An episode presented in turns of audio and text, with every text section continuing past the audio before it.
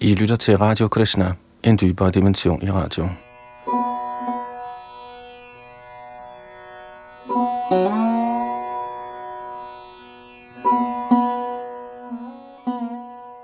Shri Brahma Samhita hedder en uhyre vigtig tekst, som vi vil øh, præsentere her i en serie i Radio Krishna. Vi vil præsentere den i den udgave, som blev oversat og kommenteret af Shrila Prabhupads åndelige mester, Bhaktisiddhanta Sarasvati Thakur. Shrila Prabhupada kom til Vesten i 65 med den kristnebevidste mission, og det gjorde han, fordi hans åndelige mester, Shrila Bhaktisiddhanta Sarasvati Thakur, havde bedt ham om at tage til Vesten og udbrede kristnebevidsthed. Og her hører vi altså hans oversættelse og kommentar til denne vigtige tekst, Brahma Samhita, forfattet af universets skaber, Brahma. Og øhm, den blev fundet af Sri Chaitanya i Adikeshav-templet i Sydindien, da han var her på jorden. Det vil sige, det femte kapitel af Brahma Samhita blev fundet, som er det eneste, vi har i øjeblikket. Vi skal læse indledningen, som baserer sig på en kommentar givet af Srila Prabhupada i Chaitanya Charitamrita, vi skal læse om forfatteren samt hans indledning og så selve teksten. Det er Yadunandandas bag mikrofon og teknik, og han har også oversat dette til dansk.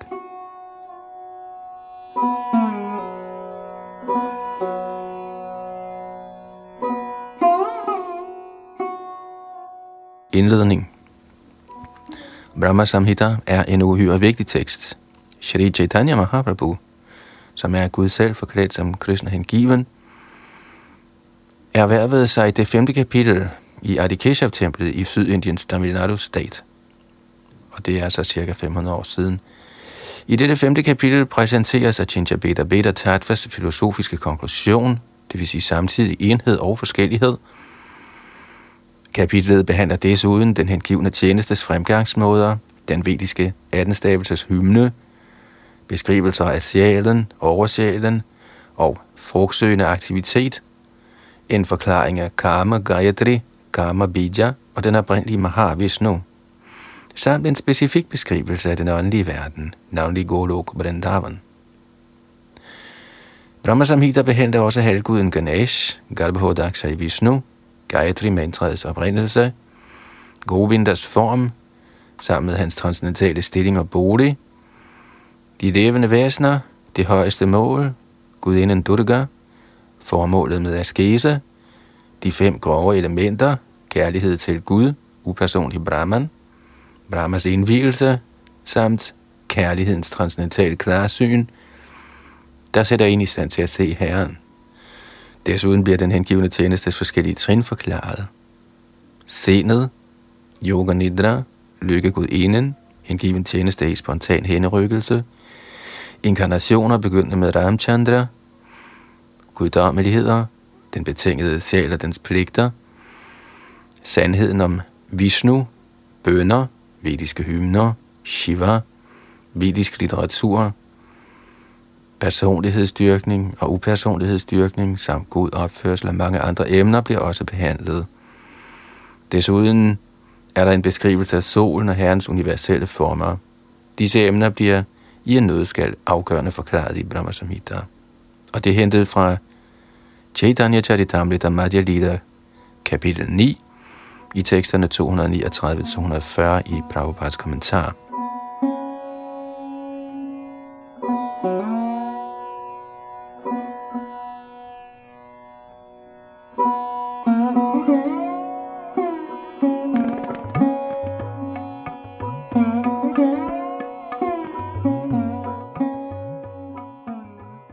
Om forfatteren Shilala Bhakti Siddhanta Saraswati blev født ved det hellige pilgrimsted Jagannath Puri som søn af Bhaktivinoda Thakur.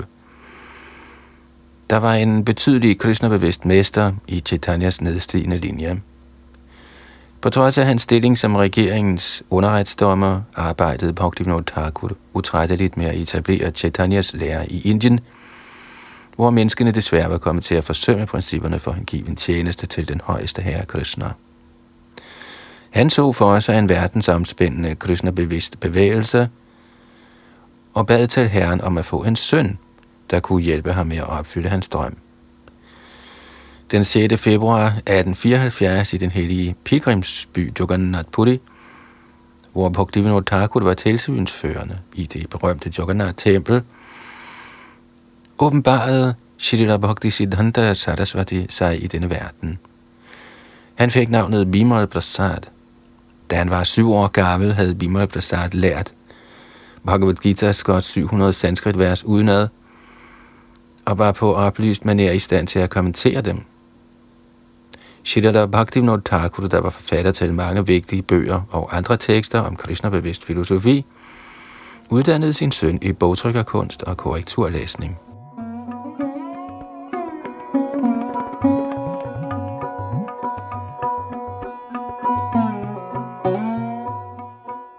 Han var 25 år gammel, havde Bimal Prasad opnået en betydelig anseelse som lært i sanskrit, matematik og astronomi. I anerkendelse af hans umådelige lærdom blev han for sin astronomiske afhandling over Surya Siddhanta tildelt titlen Siddhanta Saraswati. På sin fars opfordring modtog han i 1905 åndelig indvielse af Golkishoradas Babaji. Selvom han var en navnkundig helgen og en fornem kristne hengiven, kunne Gorkishordas Babaji hverken læse eller skrive. Tilfreds med sin veluddannede elevs ydmyghed og pligtroskab, gav Gorkishordas Babaji ham alle sine velsignelser og anmodede ham om at, som han sagde, for at kønne den absolute sandhed og se bort fra alt andet arbejde. Bhaktisiddhanta Sarasvati viste sig derefter at være en dygtig medhjælper i sin fars missionsarbejde.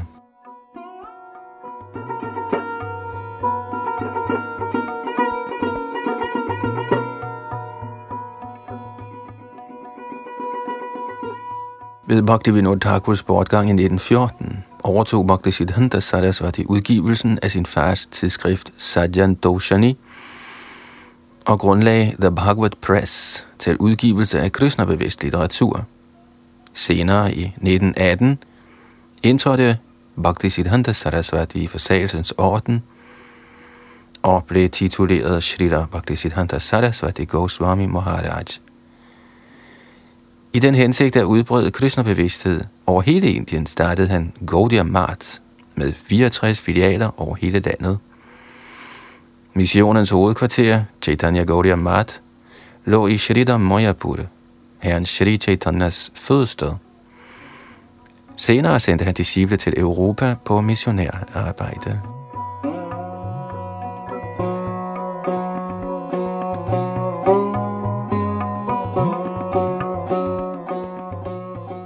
Shrita Bhaktisiddhanta tilpassede de kristnebevidste traditioner til de rådende teknologiske og sociale vilkår i det 20. århundrede.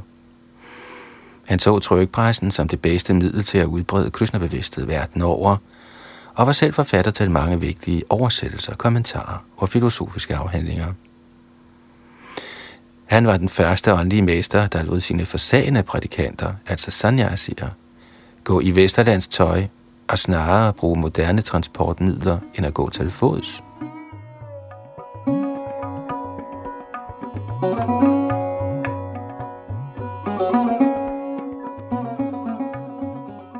I 1922 besøgte ved tilfælde en intelligent ung universitetsstuderende ved navn Abhay Charan, Shrila Bhaktisiddhanta i Calcuttas Gaudiya Math Center. Bhaktisiddhanta anmodede omgående denne unge mand om at prædike Krishna-bevidsthedens budskab på engelsk til den vestlige verden. Selvom han ikke umiddelbart var i stand til at opfylde Bhaktisiddhantas ønske, blev Abhay en af Gaudiya Maths aktive tilhængere. I 1933 blev Abhay formelt disciple af Srila Bhaktisiddhanta, der gav ham navnet Abhay Charanaravinda.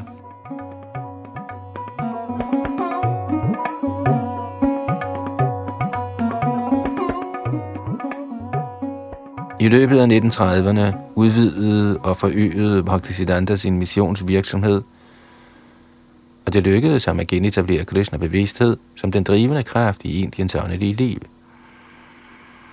Opsat på, at hans arbejde skulle fortsætte, anmodede han indtrængende sine disciple om at nedsætte et forenet bestyrelsesudvalg, der i hans fravær kunne lede Gaudiya Mart. Den 1. januar 1937 gik Shrila Bhaktisiddhanta Saraswati bort fra denne verden. Desværre indsede hans førende disciple ikke hans pålæg om at bevare bestyrelsesudvalget, hvilket medførte, at Gaudiya som forenet missionsvirksomhed gradvist gik i opløsning.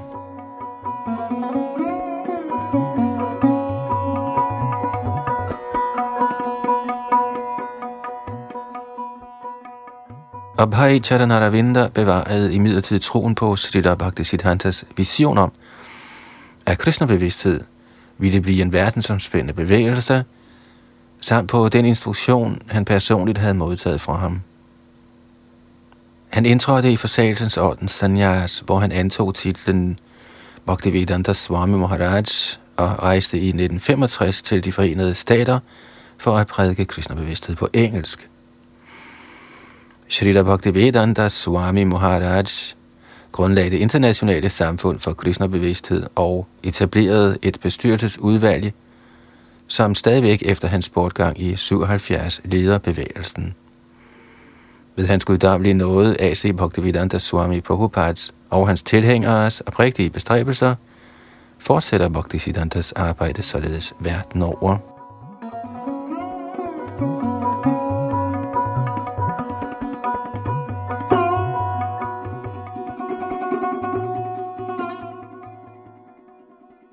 Og så skal vi til selve bogen, der starter med Bhaktisiddhanta Sarasvatis forord.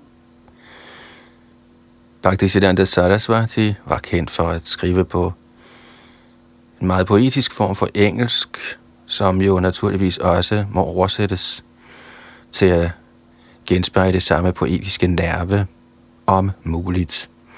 Det har vi selvfølgelig bestræbt os på, selvom dette naturligvis ikke kan gøres helt perfekt.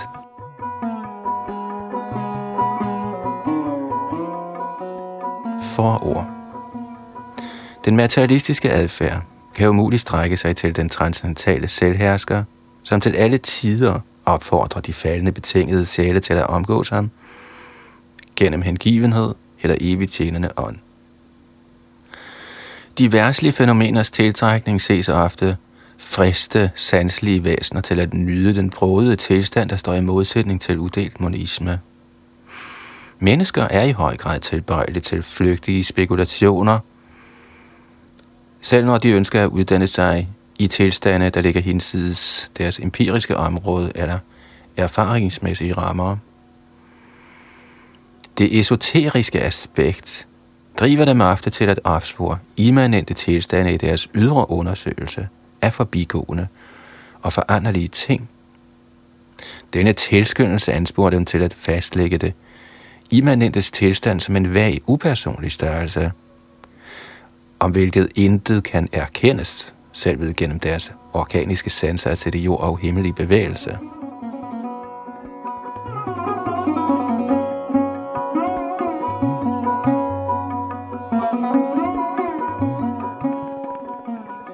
Indholdet i denne bog vil uden tvivl hjælpe sådanne forvirrede sjæle i deres udvikling hen imod det immanentes person – der ligger hinsides i agtagelserne i deres sanselige forskning.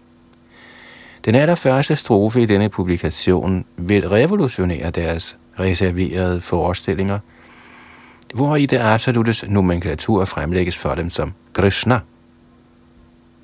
Det spekulative sind er tilbøjeligt til at postulere et andet attributivt navn til at beskrive denne ukendte størrelse – de foretrækker at navngive ham ifølge deres egne erfaringer som universets skaber, væsenet hensides fænomener. Langt væk fra sammenligning med nogen af naturens genstande og helt blottet for forandring. De ønsker således på det kraftigste at gøre gældende, at selve ophavet ikke kan have nogen tænkelig betegnelse, ud over at pege retning af en usynlig, uhørbar, urørlig, duftløs og umærkbar genstand. Men deres ringe erfaring til trods, afstår de ikke for at gruble over denne størrelse.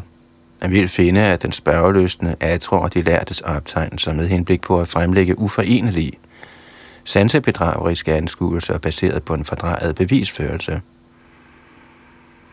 I sammenligning af de forskellige navne, menneskehedens forskellige tanker har postuleret, ville en bestemt dommer afgøre til fordel for en nomenklatur, der bedst passer til hans særlige begrænsede luner. Et individs slavementalitet vil utvivlsomt fremsætte grove påstande for de andre, der vil bønfalde ham om at afsløre sin afgørelse.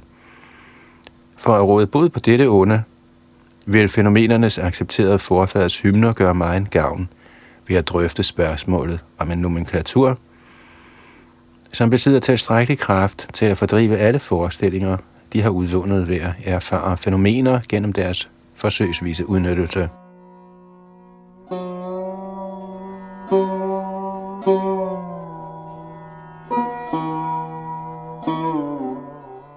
Den første hymne stadfæster den absolute sandheds overlegenhed, så fremt hans underliggende lag ikke bliver skudt ned med den begrænsede tidskugler, uvidenhed og misstemning, eller ved at regne den samme for en effekt snarere end at acceptere ham som den oprindelige årsag. Han vil være tilfreds med at bemærke, at genstanden for deres beslutsomhed er den uovertrufne højeste herre Shri Krishna, som for evigt har personificeret sig selv i sin evigt tilstedeværende, alt igennem lyksalige, alt gennemtrængende fuldendte viden, som selve ophavet til alle oprindelige årsager i den uendelige, ikke begyndende tid. Alle værtslige og transcendentale væseners omsorgsfulde opretholder.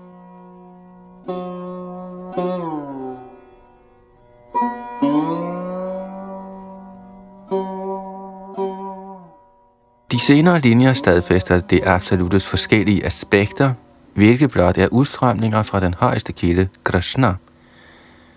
Det mest tiltrækkende af alle væsener. En videre vil nomenklaturens afledte udtryk angive den uafbrudte uendelige transcendentale lykke, og nomenklaturen selv som kilden til de to elementer, kaldet virksomme og materielle årsager. Selve det transcendentale navn Krishna er kendt som det konkrete udtryk for alle transcendentale evige rasaer, såvel som ophavet til alle fordunklede begreber vedrørende de afbrudte rasaer, man finder i de værtslige væseners mentalitet, som dygtigt skildres af forfattere og retorikere i den værtslige spekulationsøje med.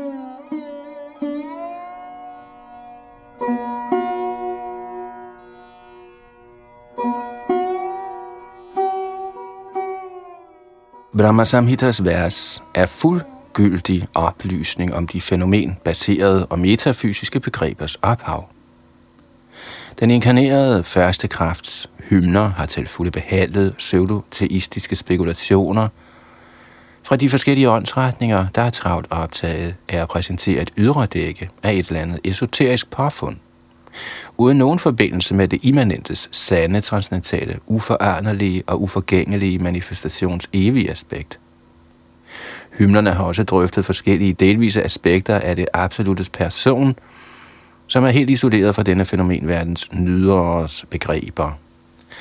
Stor opmærksomhed, til lige med et sammenlignet studium af alle fremherskende tanker og opfattelser, vil lindre og oplyse alle – diverse materialister, svorne ateister, agnostikere, skeptikere, naturforskere, panteister eller panenteister, som med deres spekulative udfoldelser er travlt beskæftiget med viden udelukkende i tre dimensioner.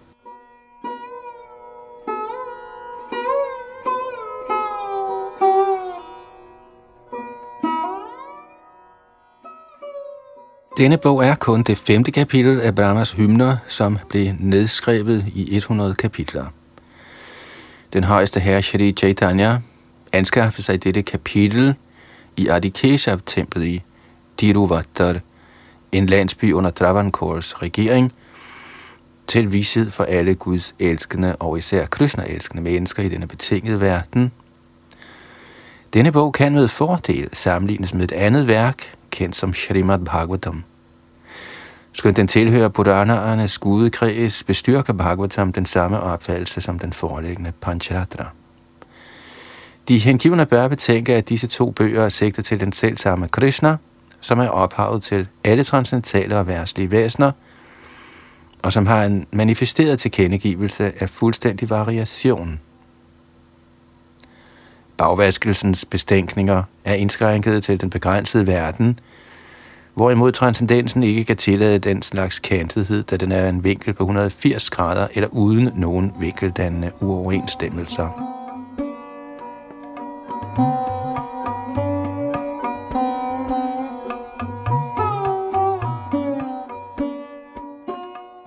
Udgiveren henrives til taknemmelighedens rige, når hans publikationslager grænskes.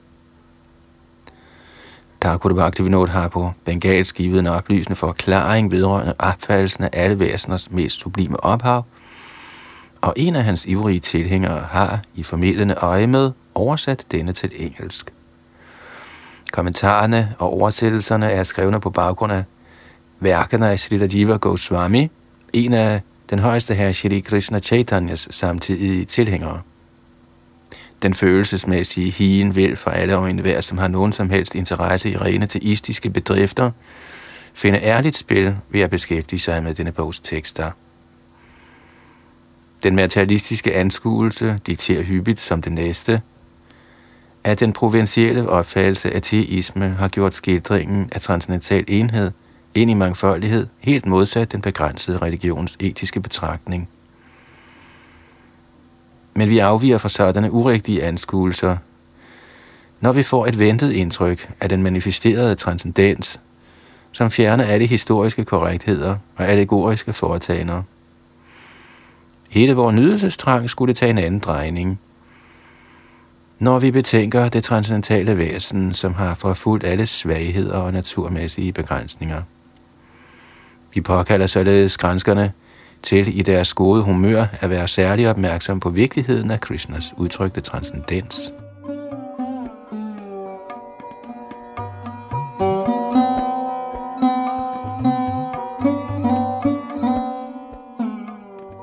Det viste sig at være nødvendigt at udgive denne lille bog til brug for engelsktalende mennesker, der interesserer sig for højdepunktet i de transcendentale sandheder i deres manifesterede faser.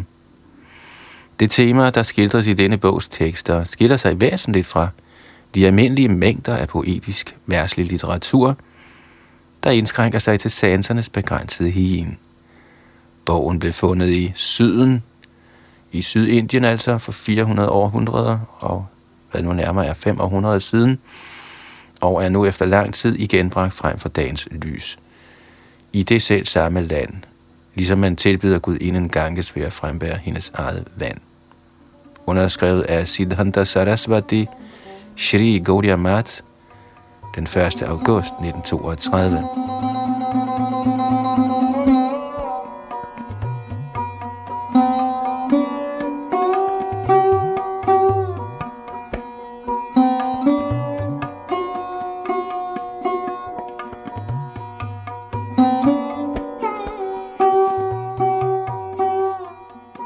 Tekst 1 Ishvara Parama Krishna Satchidananda Vigraha Anadir Adir Govinda Sarva Karana Karanam Krishna, der kendes som Govinda, er den højeste guddom. Han har en evig, lyksalig, åndelig krop. Han er altings oprindelse. Han har ingen anden oprindelse, og han er den første årsag til alle årsager. Hertil giver Srila Bhaktisiddhanta følgende kommentar. Krishna er det fornemme højeste væsen, som har sit evige navn, sin evige form, sine evige kendetegn og evige leje. Navnet Krishna udgør i sig selv hans kærlighedstiltrækkende betegnelse, som ved hans evige nomenklatur udtrykker kulminationen af væren. Hans evige smukke himmelske blålige krop – der stråler med den evige videnskraft, holder en fløjte med begge sine hænder. Selvom hans ubegribelige åndelige energi er altomfattende, bibeholder han sin alt igennem charmerende størrelse gennem sine kvalificerede sanser. Hans helt igennem imødekommende højeste subjektivitet udtrykkes fint i hans evige form. Den koncentrerede enestående tilstedeværelse – udækkede viden og berusende lykke har deres skønhed i ham. Den ved hans eget selv værtsligt manifesterede del kendes som den algennemtrængende Paramatma, Ishvara, den overlegne herre, eller Vishnu, alt nærende. Derfor er det tydeligt, at alene Krishna er den ene højeste guddom. Hans uforlignelige eller enestående åndelige lægeme af overfortrinlig charme er for evigt afdækket med utallige åndelige sanser og attributter, som sømmeligt forbliver i deres tilkendegivende placeringer, og som samtidig tilpasses ved hans ufattelige malende kræfter. Denne dejlige åndelige skikkelse er den selvsamme Krishna, og Krishnas åndelige væren er identisk med hans egen skikkelse.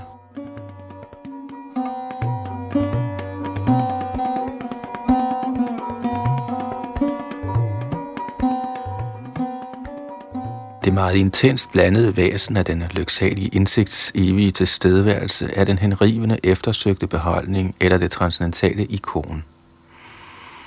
Følgelig er den utydelige, formløse størrelse Brahman, som er en magelig, slap fremstilling af bevidsthedsmæssig lyksalighed, kun en halvskygge af den intenst blandede udstråling, der består af de tre ledsagefænomener, kaldet det lyksalige, det selvstændige og det bevidste – dette transcendentalt udtrykte ikon, Krishna, i hans originale udseende, er den oprindelige baggrund for den udbredte, uendelige Brahman og for den alt gennemtrængende oversjæl. Krishna, som han i sandhed åbenbares i sine spraglede tidsfordrive, som for eksempel ejer af transcendentale køer, rygterdrengenes leder, malkepigernes gemal, herskeren over Golokas jordiske bolig og genstand for tilbedelse for det skønne Golokas transcendentale beboere er Govinda. Han er den dybeste årsag til alle årsager, som er universets fremherskende og beherskende repræsentanter. Hans projicerede ubetydelige dels øjekast i det indvidede årsagsvand, nemlig den personlige oversæl eller paramatma, fremkalder en sekundær kraft, naturen – som skaber dette værtslige univers. Denne oversættelse mellemliggende energi frembringer de individuelle sjæle analogt med solens emanerede stråler. Denne bog er en afhandling om Krishna, så indledningen udspiller sig ved i begyndelsen at synge hans navn.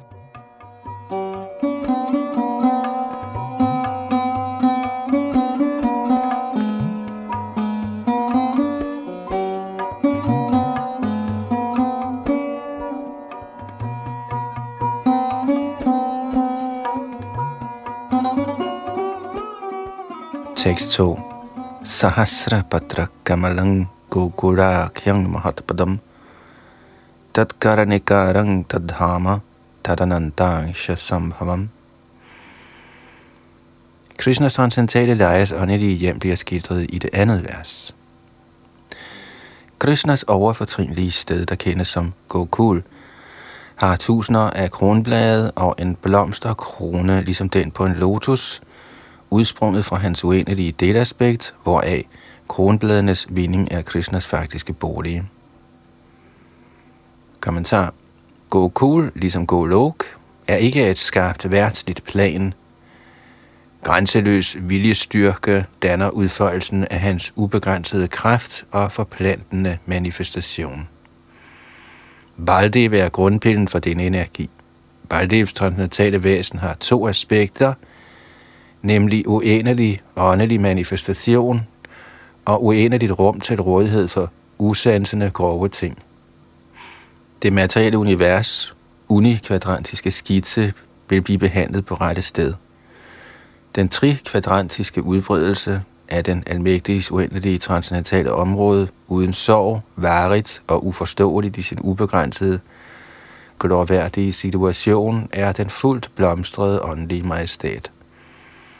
Denne særdeles majestætiske udstrækning portrætterer det større ubegrænsede områdes eller større atmosfæres manifesterede edle overdådige træk. Dets strålende beliggenhed på Vidajas fjernere bred er ganske hinsides den værtslige naturs rige, omgivet af Brahmans eller den uendelige eksistens glorie. Denne majestætiske kraft af ubegrænset ånd udspringer øverst på den lysende sfære ned i det særdeles henrivende kul eller evigt eksisterende log, og ordentligt forskyndet af glansens forskellige artede udfoldelse. Note betegner denne egen som Narayans, den oprindelige kildes højeste bolig. Derfor er Gokul, som er identisk med Golok, det højeste plan. Den samme sfære skinner som henholdsvis Golok og Gokul ved dens øvre eller transcendentale og lavere eller værtslige beliggenhed.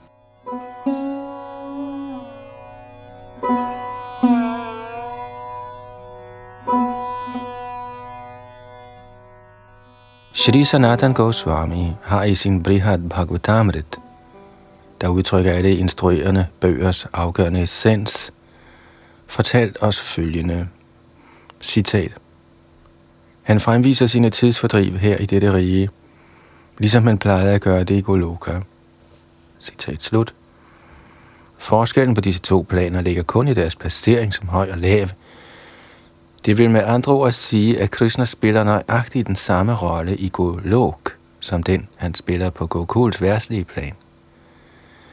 Der er praktisk talt ingen forskel på Gokul og Golok, bortset fra, at det, som eksisterer i Golokas form i den øvre region, er det samme som Gokul på det jordiske plan, da Krishna viste sine forskellige aktiviteter.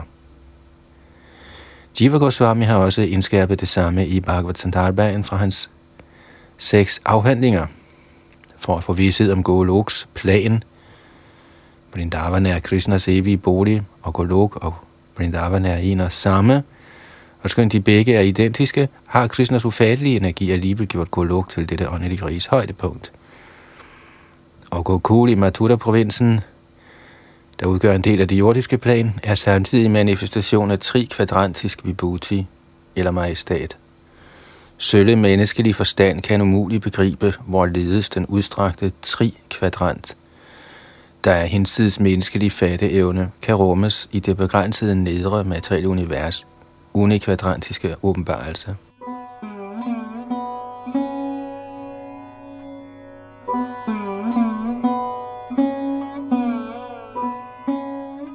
Golok er et åndeligt plan, hvorfor hans nedladte stilling i regionen af materielt rum, tid osv. ikke på nogen måde er indskrænket, men ubegrænset manifesteret med hans fulde, grænseløse berettigelse men for at kunne anbringe ham under deres intellektniveau, er betingede sjæle med deres ikke varige sanser tilbøjelige til at forfægte en materiel opfattelse med hensyn til Goloka. Selvom det er jagttagerens øje, der hæmmes af hans sky, mens han stiger på solen, og selvom skyen aldrig egentlig kan dække solen, ser det tilslørede syn til synlandet solen som dækket af en sky.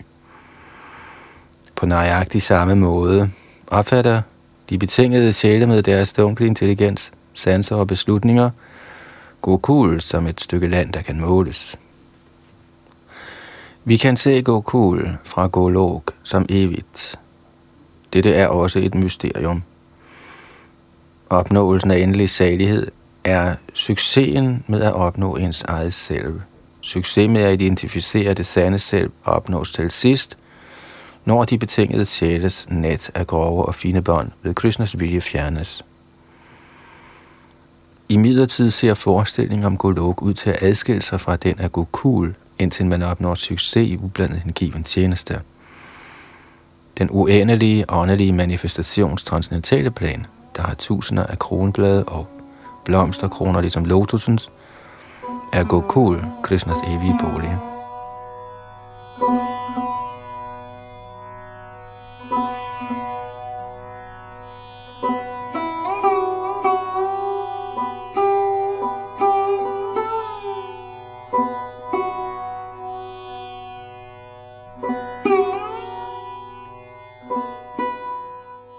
6.3 Karanikarang Mahat yantrang satkorang vajrakilakam Sharanga Shatpari Sthanang. Prakritya Purushena Cha Premananda Mahananda Rasena Vasthithang Hiyat. Jyoti Rupena Manuna Kama Bijena Sangatam. Vindingen i denne transcendentale lotus er ride, hvor Krishna bor. Det er en sekskantet figur. Boligen for det absoluttes iboende, beherskede og beherskende aspekt. Ligesom en diamant fremstår Krishnas centrale, understøttende, selvlysende skikkelse som alle kræfters transcendentale kilde. Det hellige navn, der består af 18 transcendentale stavelser, manifesteres i en sekskantet form med seks dobbelte inddelinger. Kommentar Krishnas transcendentale tidsfordriv opdeles i to, nemlig manifesterede og umanifesterede. Vrindavans former for tidsfordriv, der er synlige for værtslige øjne, er Krishnas manifesterede lila. Og det, som ikke er således synligt, er Krishnas umanifesterede lila. Den umanifesterede lila er altid synlig i Golok. Og det samme er, hvis Krishna ønsker det, synligt for menneskelige øjne i Gokul. Jiva Goswami Prabhu siger i sin Krishna Sandarbha, citat, umanifesteret tidsfordriv udtrykkes i manifesteret Krishna Lila, og Goloka Lila er Krishnas umanifesterede tidsfordriv synliggjort på det værtslige plan. Citat slut. Dette bekræftes også af Rupa Goswami i hans Bhagavatamrit. Gokuls fremadskridende transcendentale manifestation af Golok. Således er Golok Gokulas selv samme majestætiske manifestation – skal de ikke er synlige i Gokul, er Sri Krishnas evige leje evigt manifesteret i Golok. Golok er Gokuls transcendentale, majestætiske manifestation. Manifestationen af Krishnas umanifesterede leje er med hensyn til de betingede sætte dobbelt, nemlig 1. Tilbedelse gennem mantraernes kanaler, uhørligt reciteret, frigørende, selvhelligende, transcendentale lyde – 2. Hjertets spontane udstrømning af kærlighed til Krishna. Jiv Goswami har sagt, at tilbedelse gennem mantra lader sig vedvarende gøre på rette sted, når den begrænser sig til et tidsfordriv. Denne gode lokas meditative ytring er det ledsagende tidsfordriv ved Krishna-dyrkelse gennem mantraet. På den anden side er de lege, som udføres på forskellige planer og i forskellige stemninger, anderledes uindskrænkede og er følgelig svarasiki, det vil sige hjertets spontane udstrømning af kærlighed til Krishna. Denne slog har en dobbelt betydning. En betydning er, at med hensyn til det tidsfordriv, der ledsager tilbedelsen gennem det 18 stavelses mantra, frembringer de forskelligt placerede ord i det fremsagte mantra blot en af Krishnas lilaer. Som for eksempel Kling Krishna Govinda Gopijana Vallabhaya Svaha – det er et sekskantet mantra bestående af seks transnatale ord, nemlig Krishnaya, Govindaya, Gopijana, Vallabhaya, Sva og Ha. Disse transcendentale ord indikerer mantraet, når de placeres side om side.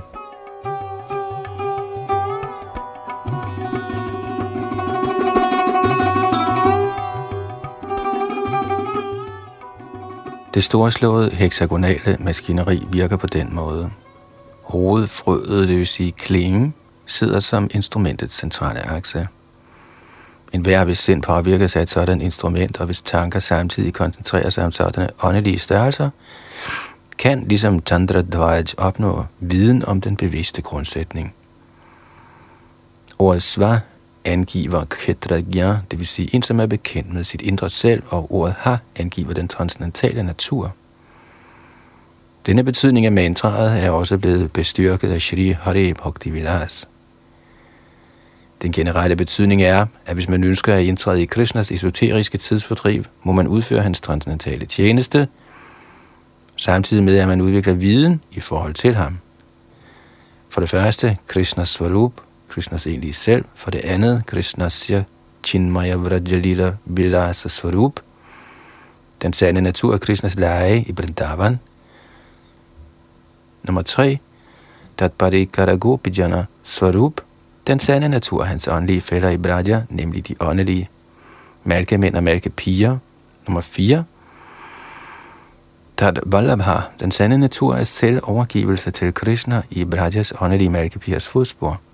Nummer 5. Sudha Jiva Sachid Jnana Sarup. Den ublandede individuelle sjæls åndelige videns sande natur. Nummer 6. Chit Prakritirarthat Krishna Seva Svabhava. Den sande natur af transcendental tjeneste til Krishna er den, at det esoteriske forhold etableres, når ens rene viden er blevet vækket. Betydningen er, at rasa kun er den transcendentale tjeneste til den transcendentale tilflugt Sri Krishna, som det absolutes herskende aspekt, med ens ego som den absolute helheds herskende dels åndelige mø, ledsaget af ren hengivenhed i form af ens fuldstændige selvovergivelse. På hengivelsens udviklingsniveau er Golokas eller Gokulas tidsfordriv den meditative tilbedelse gennem mantraet, og på fuldendelsens niveau manifesterer lejene sig selv som tøjlesløse, transcendentale glæder. Det er Golokas eller Gokuls virkelige aspekt, hvilket vil blive udtrykt i rette tid. Betydningen af ordene Jyotirupena Maununa er, at den transcendentale betydning udtrykkes i mantraet ved hjælp af hvilket med et transcendentalt ønske om kærlighed til Krishna og med tilføjelsen af tjeneste til Krishna, man etableres i den evige kærlighed til Krishna. Sådanne evige leje er for evigt manifesteret i Golok.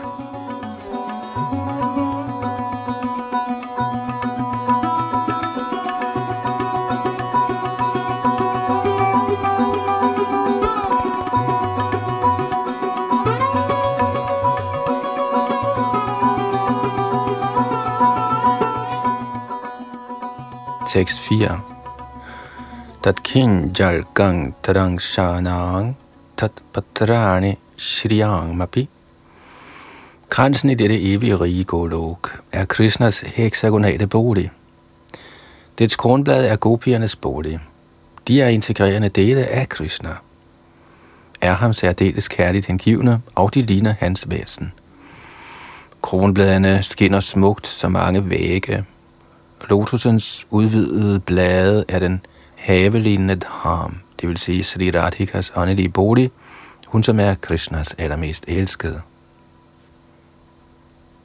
Kommentar Det transcendentale Gokul har form som en lotus.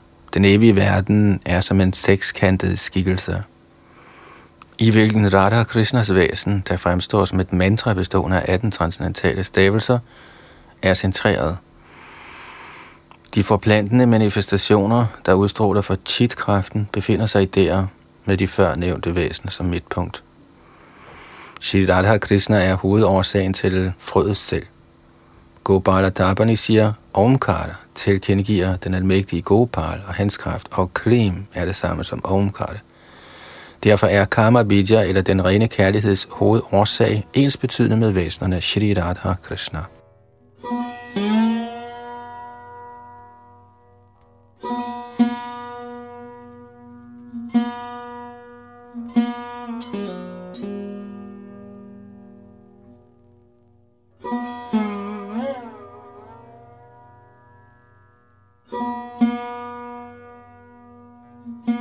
takes fem.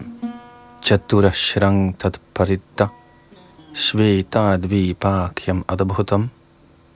Chaturasrang chaturmurtesh chaturdhama chatushkritam.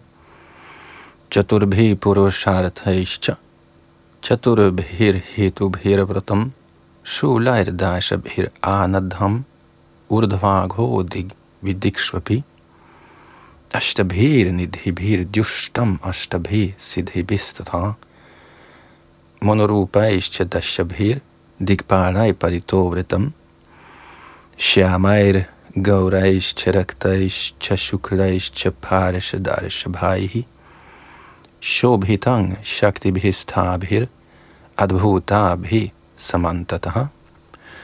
Gokuls ydre omgivende plan beskrives i dette vers. Der er et mystisk, kvadratisk sted ved navn Svetadvib, der omgiver Gokuls udkanter. Svetadvib er opdelt i fire dele på alle sider. Vasudev Sankarshans, Pradumnas og Anirudhas boliger er adskilt beliggende i hver af disse fire dele. Disse fire adskilte boliger indhyldes af menneskehedens firefold behov, såsom fromhed, rigdom, lidenskab og befrielse – hvilket også er tilfældet med de fire Vedaer, nemlig Rig, Sama, Yajur og Atharva, der behandler mantraet og som er grundlag for opnåelse af de fire folk værtslige behov. Ti træforker er placeret i de ti retninger i beregnet Zenit og Nadir. De otte retninger er dekoreret med de otte juveler af Mahapadma, Padma, Shankar, Makara, Kachapa, Mukunda, Kunda og Nila. Der er ti beskyttere, dikpater af de ti retninger i form af mantra. Omgangsfælderne er farverne blå, gul og rød, samt de ekstraordinære energier, der bærer navnene Vimala og så videre, skinner på alle sider. Kommentar Oprindeligt er Gokul hjemsted for transcendental kærlighed og hengivenhed. Derfor ligger Jamun, Sri Govardhan, Sri Radha Kund og så videre, der tilhører det jordiske Vrajmandar i Gokul. Igen er det Vaikunthas overdådigheder er manifesteret der, udbredt i alle retninger. De fire udbredende manifestationers tidsfordriv er alle der, på hver deres rette plads. Parabiom, Vaikunthas udbredelse, stammer fra fremvisning af de fire udbredende manifestationer. Frelse i Vaikuntha samt fromhed, rigdom og lidenskab, der angår værtslige mennesker, befinder sig alle på deres rette plads i Gokul, som deres oprindelige frø, det vil sige første årsag. Vedderne er også beskæftiget med at synge Herrens sang i Gokul. Der er ti træforke i ti retninger, der forhindrer og forpurer dem, der gennem meditation higer efter at indtræde i Vaikuntha uden Krishnas nåde.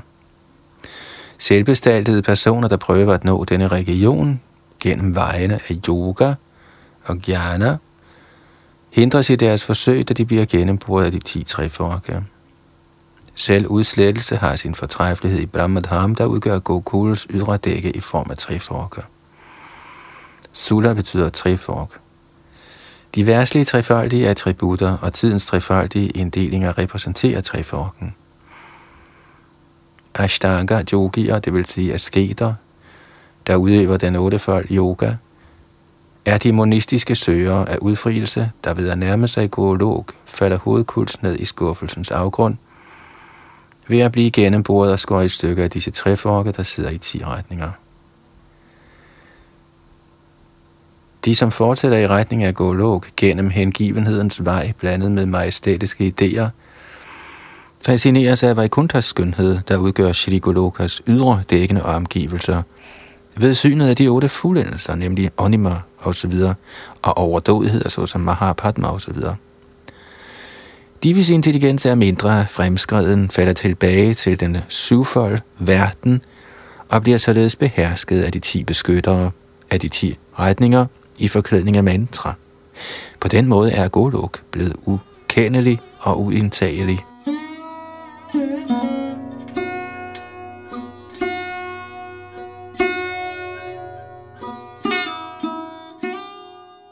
Det er udelukkende guddomsarbejdets sjæle, fortalerne for de forskellige tidsalderes guddommelige systemer, der altid fremstår der for at begunstige de ankommende entusiaster – der søger adgang til Golokas bolig gennem den rene, hengivende kærlighedskanal. Disse guddommens skikkelser omgives der af tjenerne af deres respektive naturer. Svetadvip Golok er deres hjemsted. Derfor har Shrita Thakur Vrindavan, som er Chaitanya Lidas manifesterede vyas, beskrevet, at Navadvips landsby bærer det samme navn, Svetadvip. I denne Svetadvip befinder sig de endelige dele af Gokuls tidsfordriv for evigt som Navadvips tidsfordriv. Således er Navadvips, Brajas og Goloks områder en og samme uendelige størrelse. Forskellen ligger kun i, hvordan følelsernes ubegrænsede variationer viser sig, svarende til den mangeartede natur af deres hengivne kærlighed. Heri ligger i de højeste grad skjult princip, der kun er de største sjæle, der besidder den højeste transcendentale kærlighed, kan kendes ved Krishnas direkte nåde.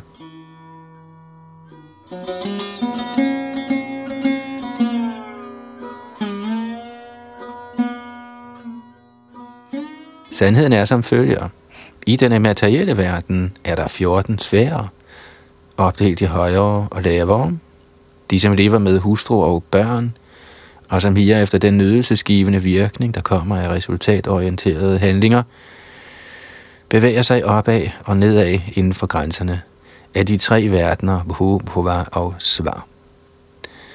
Strenghedens brahmacharya, asketerne og de, som er afhængige af hypotetisk sandhed, personer med et neutralt gemyt, der tilslutter sig ikke resultatorienteret arbejde gennem en tilbøjelighed til at søge frihed for alle værtslige begær, bevæger sig opad og nedad inden for grænserne af Maha, Jana, Tabar og Satyas verdener.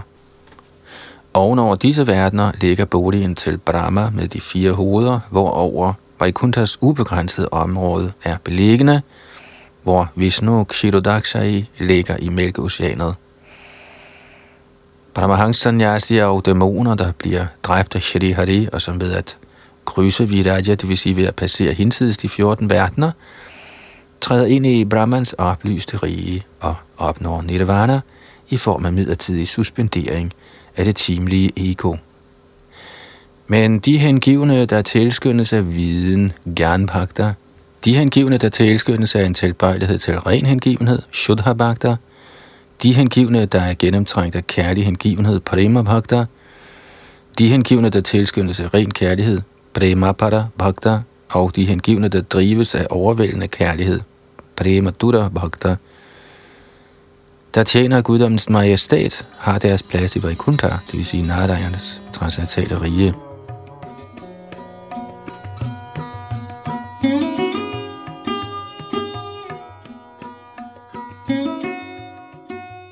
De hengivne, der er mættet af ren kærlighed, og som træder i Vrajas åndelige pigers fodspor, opnår alene Golokas rige. De forskellige placeringer af Golokas hengivne ifølge de respektive forskelle i naturen af deres raser, det vil sige stemningers kvalitet, fastlægges ved Shri Krishnas ufattelige kraft. De rene hengivne, der følger Brajas hengivne, og de, der følger Nabadvibs rene hengivne, placeres i Krishnas og Gauras respektive riger. Brajas og Navadvips identiske hengivne opnår glæden ved samtidig tjeneste i både Krishnas og Gauras riger.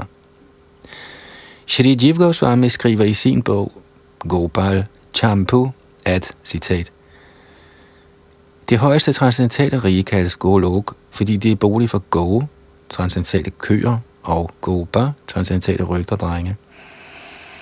Det er i sædet for Shri Krishnas, den absolute sandheds, rasa tidsfordrive. Igen kaldes dette rige for Svetadvip på grund af erkendelsen af nogle af rasaerne, hvilket er den ufattelige manifestation, der udledes fra dette højeste riges uberørte renhed.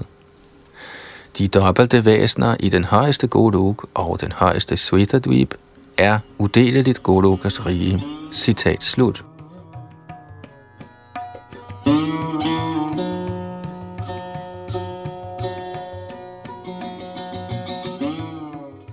Kernen i hele dette anlæggende er som følger.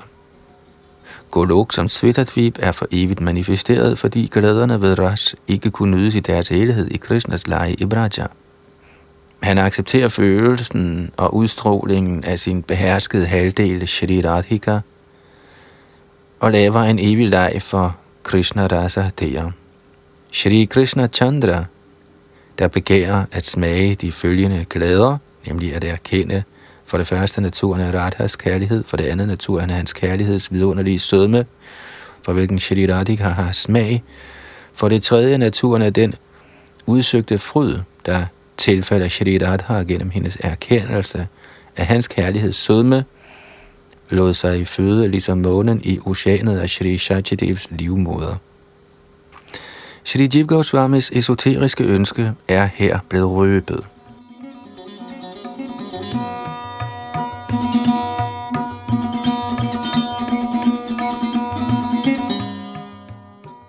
I Vedas siges det til lige, citat, lad mig fortælle dig om mysteriet. I Navadvip, Goloks identiske rige på bredden af Ganges, vil Gaura Chandra, som er Govinda, den rene erkendelsesvæsen, der har to hænder, der er alles sjæl, der har den højeste store personlighed, som den store meditative sannyasi, og som er hinsides de trefoldige værslige attributter, røbe metoden til den rene ublandede hengivenhed i denne jordiske verden. Han er kun Guds selv. Han er kilden til alle former, den højeste sjæl, og er guddommen, der manifesterer sig selv i gule, røde, blå og hvide farver. Han er den rene erkendelses direkte væsen, fuld af den åndelige chit-energi. Han er den hengivne skikkelse. Han er den, der skænker hengivenhed, og han kan kun erfares gennem hengivenhed. Den selv samme Gaura Chandra, der ikke er nogen anden end Krishna i egen person, er, for at kunne smage rasaren af Krishnas leje i Golok, syndig i Navadvips evige rige, der er identisk med Golok. Citat slut.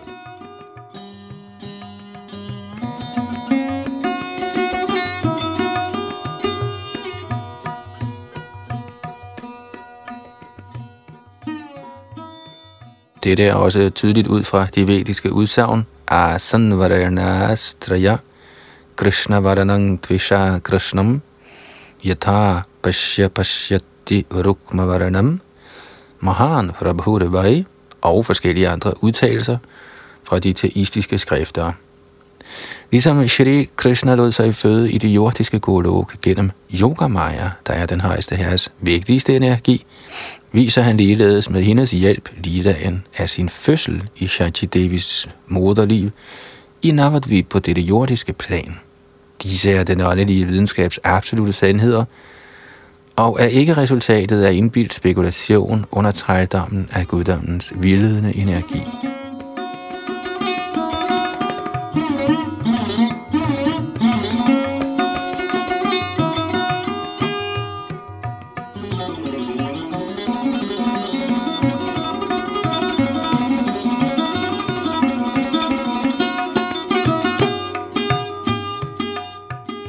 Så nåede vi frem til dig med tekst nummer 5 her i Shri Brahma Samhita, som er blevet oversat og kommenteret af Bhakti Siddhanta Saraswati Thakur, der var åndelig mester til Shri Prabhupada, der jo startede Krishna-bevægelsen i Vesten på befaling af netop Bhakti Siddhanta Saraswati Thakur.